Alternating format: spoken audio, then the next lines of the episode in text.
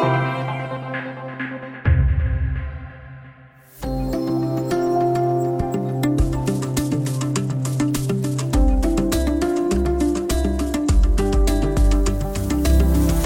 Är det svårare att slå sig in i ett svenskt fotbollslandslag om man till exempel heter Kurosevski än om man till exempel heter Ekdal?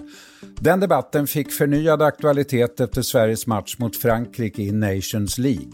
Studio DN idag om känsliga laguttagningar på fotbollens finaste och mest engagerande nivå. Jag heter Lasse Bengtsson.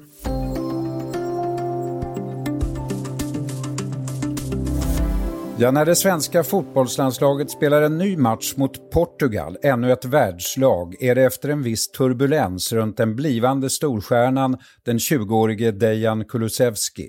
När Kulusevski inte fick starta matchen mot Frankrike utan bara fick göra ett kort inhopp uttryckte han sin frustration och sa att han var chockad. Ja, jag blev chockad. Det, jag vet inte, det kändes jätte, jättebra på träningen. Och, men tyvärr, sån är fotbollen. Det, är bara, det tar nya tag nästa match. Det här fick sen självaste Zlatan att lägga sig i och kalla beslutet ett jävla skämt av inkompetenta personer som kväver svensk fotboll. Välkommen DN Sportkrönikör Johan Esk. Tackar. Ja, du har ju själv skrivit eh, Johan att Janne Andersson är förbundskapten för mer än ett landslag och att det är märkligt att han fortfarande inte inser det. Förklara vad du menar. Jo, men är man ledare för det största laget i världens sport, största sport, då är det mer än ett landslag. Det är ett symbol. Eh, det är det absolut tydligaste signalvärdet som finns i svensk idrott och eh, det här landslaget går att använda i alla möjliga sorters debatter. Det kan handla om ekonomisk ojämlikhet, det kan handla om hur Sverige förhåller sig till diktaturer och inte minst de problem med integration som finns. Och då är det väldigt eh, ja, lätt och tydligt att använda hur ser det ut i det svenska landslaget i fotboll på här sidan. Men hur ska man då hantera det menar du rent praktiskt? Ja, det man ska göra tycker jag om, om man får ge något råd till Janne Andersson, det är att förstå att hans landslag används i de här sammanhangen. Och när det gäller de andra frågorna jag tog upp, jämlikhet med lön och om Sverige ska gå bort till Qatar och spela fotboll, då brukar han aldrig ha några problem. Men just när det här kommer upp och det på något vis riktas mot honom ungefär att tar du inte ut spelare med utländsk bakgrund, då blir det ganska mycket taggarna utåt och det här, jag förstår inte, jag förstår inte, jag är ju inte sån, och jag är inte rasism och, och så, utan han borde förstå att den här frågan är större än honom och det landslaget som just nu finns. Det här är ju inte första gången eh, som Zlatan, Sveriges bästa genom tiderna, påstår att det finns en slags smygrasism i svensk fotboll. Så här sa han för knappt ett år sedan till Expressen. Jag ser inte ut som alla andra. Jag har inte ett namn som alla andra. Sen om det här är smygrasism eller inte, det vi kan diskutera. Det är inte mitt område. Men jag är ett bevis på att det var så. Det där tog eh, Jan Andersson eh, ganska illa vid sig av, eller hur Johan? Ja, och det är ju som jag sa, att han känner att eh, han tycker själv att jag har minsann eh, släppt fram och den, den och den spelaren från den och den bakgrunden och eh, att han återkommer hela tiden där, jag tar ut de som är bäst för laget eller de bästa spelarna, jag bryr mig inte om vad de har för bakgrund, det säger han hela tiden.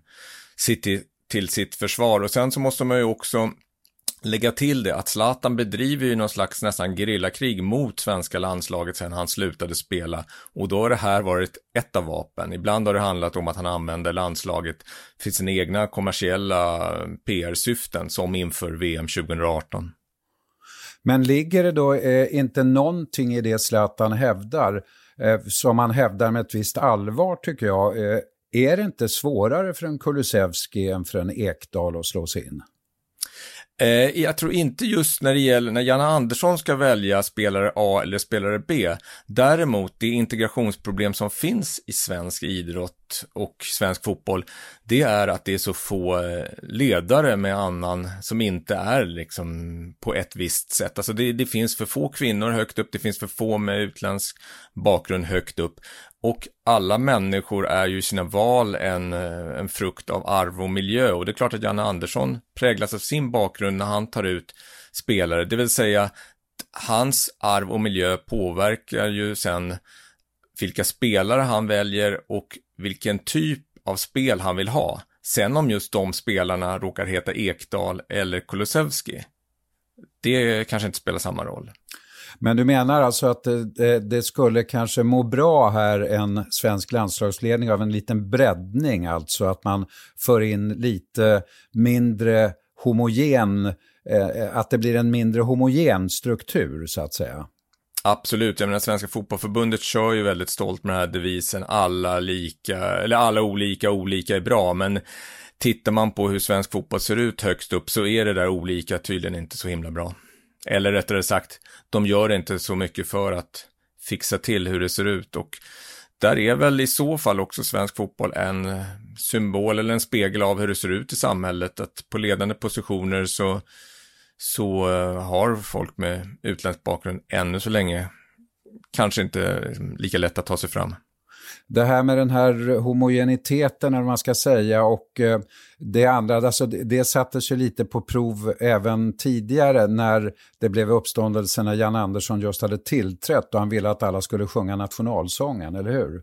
Det blev också lite körigt där. Ja, det blev ju, då hade han ju liksom inte ens börjat som förbundskapten, utan han hade ett sommar program då och det hade varit, han hade varit väldigt nervös för det där och var klar tyckte han och la undan papperna och fick lite feeling och började prata om hur härligt det var att höra nationalsången och i mitt lag, där sjunger vi minsann. Vad han menade det var att folk får sjunga om de inte, liksom de får sjunga eller inte sjunga men han vill att folk ska sjunga för att det är en symbol för gemenskap för honom.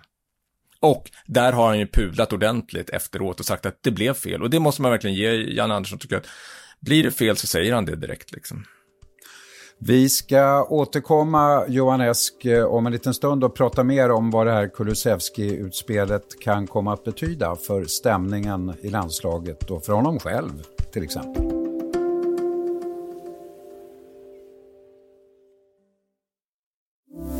Ja, Johan Esk, eh, eh Janne Andersson eh, säger ju ungefär så här nu, för oss som tar ut lag hela tiden är det nog betydligt mindre dramatiskt än vad det ser ut eh, utifrån. Eh, men han ser ju rätt plågad ut nu igen. Så här sa han som kommentar till Kulusevskis utspel.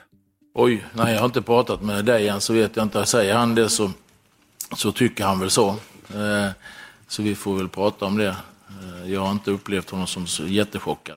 Men eh, ja, vad skulle du säga? Hur, hur uppfattar du eh, i, under det här han säger känsligheten i den här frågan eh, för förbundskaptenen nu?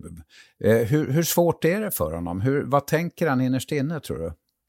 Eh, innerst inne tänker han att han blev lite förvånad för den där frågan, det där han sa där, det sa han ju direkt efter matchen och sen dagen efter på presskonferensen, då var det som att han mer förstod vad Dejan hade sagt och han hade pratat med honom. Men jag tror han liksom var lite ovan vid att Dejan Kulusevski är 20 år och han eh, liksom, kastar ur sig det han känner och säger och det är väl jättehärligt och jag tror att Jan Andersson blev lite överrumplad när han fick höra att Dejan hade blivit chockad över att inte vara med i startelvan mot Frankrike. Eh, den, den, tidigare förbundskaptenen Lasse Lagerbäck han fick ju också kritik för viss tröghet gentemot nya löften. Eh, det var som, som var någon som ja, möjligen skämtsamt sa för att komma in i den här truppen måste man först sälja ett visst antal bingolotter och så vidare. en slags befordringsgång. Är det någon större skillnad eh, med Janne Andersson nu som du ser det?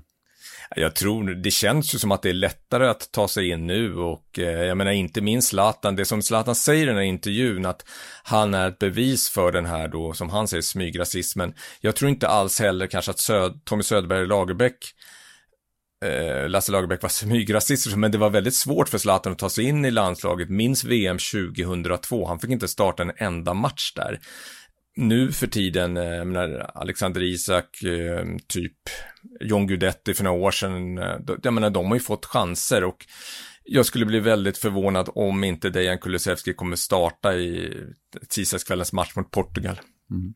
Hur mycket tar, tror du Jan Andersson, tar han eh, någon slags extra hänsyn till den här integrationsaspekten? Eller, eller kör han bara på den som är bäst lämpad för stunden?